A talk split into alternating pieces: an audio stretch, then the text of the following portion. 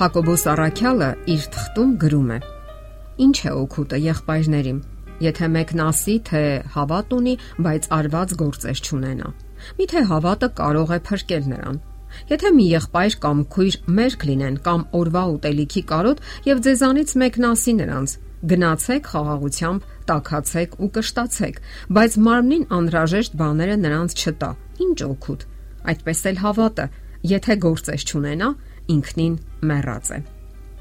Քրիստոնեության իրական զորությունը հոգևոր կյանքն է եւ դրանից բխող բարության դրսևորումները։ Քրիստոսն իր երկրային կյանքում բարության գործեր էր անում։ Նա ոչ միայն քարոզում էր արխայության ավետարանը, այլև իր գործում կյանքով ցույց էր տալիս, թե ինչպիսին պետք է լինի իրական քրիստոնյան։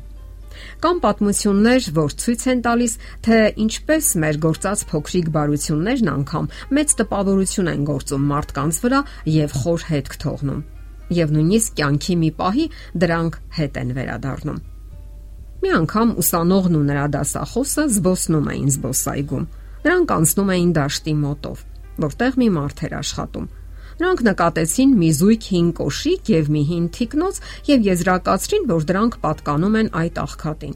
Ուսանողը առաջարկեց վերցնել ու թաքցնել այդ կոշիկն ու թիկնոցը եւ թաքնվելով նայել, թե ինչ կանի այդ մարդը։ Դա միգուցե զվարճալի կլիներ մեկի համար, իսկ ահա մյուսը թեկուս կարճատև, սակայն տհաճ վարքյաններ կապրեր։ Այստեղ դասախոսն առաջարկեց այլ կերպ բարվել։ Ուզում ես տեսածից հթաճույք ստանալ, Չէ որ դու հարուստ ես եւ կարծում եմ քեզ համար մեծ բան չէ նրա ամեն կոշիկի մեջ մեկական մետաղադրամ դնելը։ Հետո թաքնվենք եւ հետևենք թե ինչ կլինի։ Վստահ եմ, որ դու մեծ հաճույք կզգաս։ Ուսանողն այդպես էլ վարվեց։ Աննկատ նրա կոշիկների մեջ մեկական արժեքավոր մետաղադրամ դրեց։ Աղքատն ավարտելով իր աշխատանքը մտեցավ հակոստին, վրան գցեց թիկնոցը ու հակավ կոշիկները եւ զգաց, որ ինչ որ բան խանգարում է, որ բնականon հակնի կոշիկը։ Հանեց մի կոշիկը եւ տեսավ, որ մեջը մետաղադրամ է։ Հանեց մյուսը, նորից մետաղադրամ։ Նա շուրջը նայեց եւ ոչ մեկին չտեսավ։ Աղքատի ուրախությանը չափ չկար։ Նա ծնկի եկավ, зерքերը երկինք բարձրացրեց եւ շնորհակալություն հայտնեց արարչին օգնության համար իր կյանքի այդ դժվար պահին, երբ կինը հիվանդ էր։ Դասախոսը նայեց ուսանողի դեմքին եւ չկարողացավ զսպել ժպիտը։ Նրա աչքերում արցունքներ տեսնելով հարցրեց. Արդյոք հաճույք ստացար։ Ուսանողը պատասխանեց. Դա իմ կյանքի լավագույն դասն էր, որ ինձ կարողացաք մատուցել։ Աստվածաշունչը այսպես է վկայում. Աղքատին նեղողը նրա արարչին է անարգում, բայց նրան պատվողը տնանկին կողողորմի։ Սիրելի Քրիստոնյա,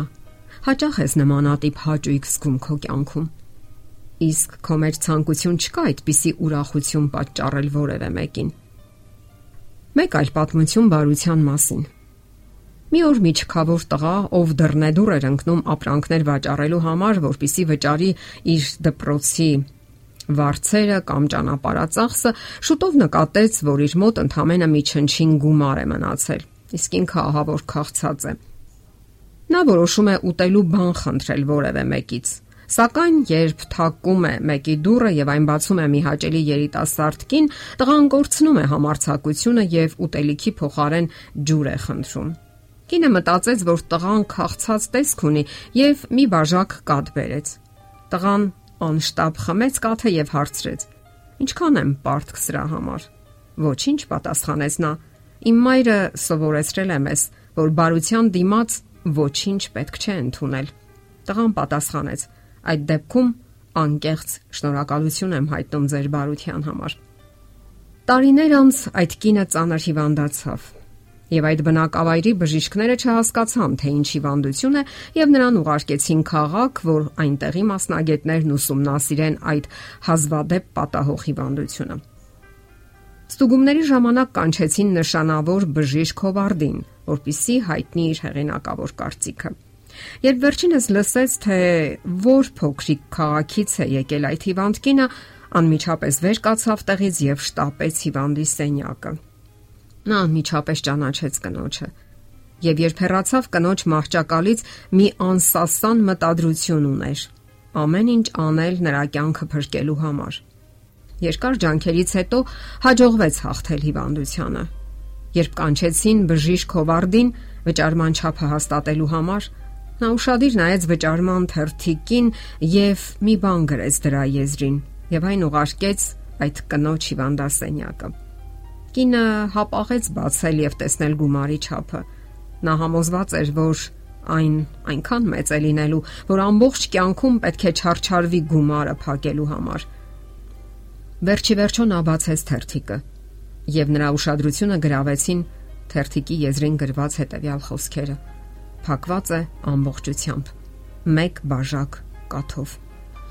Եվ ստորագրված էր բժիշկ Հովարդ։ Աստվածաշնչում կարդում ենք. Ով այս աշխարհի բարիքներն ունենա եւ իր եղբորը որևէ բանի կարոտ տեսնի եւ իր խիղճը նրա առաջ փակի, Աստծո սերը նրա մեջ ինչպես կարող է ապրել։ Որդյակներ, խոսքով եւ լեզվով չսիրենք, այլ գործով ու ճշմարտությամբ։ Այո։ Նա ով հնարավորություն ունի, սակայն բարություն չի ցուցաբերում կարիքավորի նկատմամբ, Աստծո սերը նրա մեջ չի բնակվում։ Եվ այդպիսի քրիստոնեությունը կարող է կասկածներ առաջացնել։ Բարություն դրսևորեք,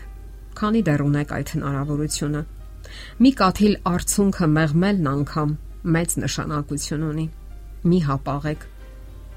Մարդկային կյանքը կարճ է։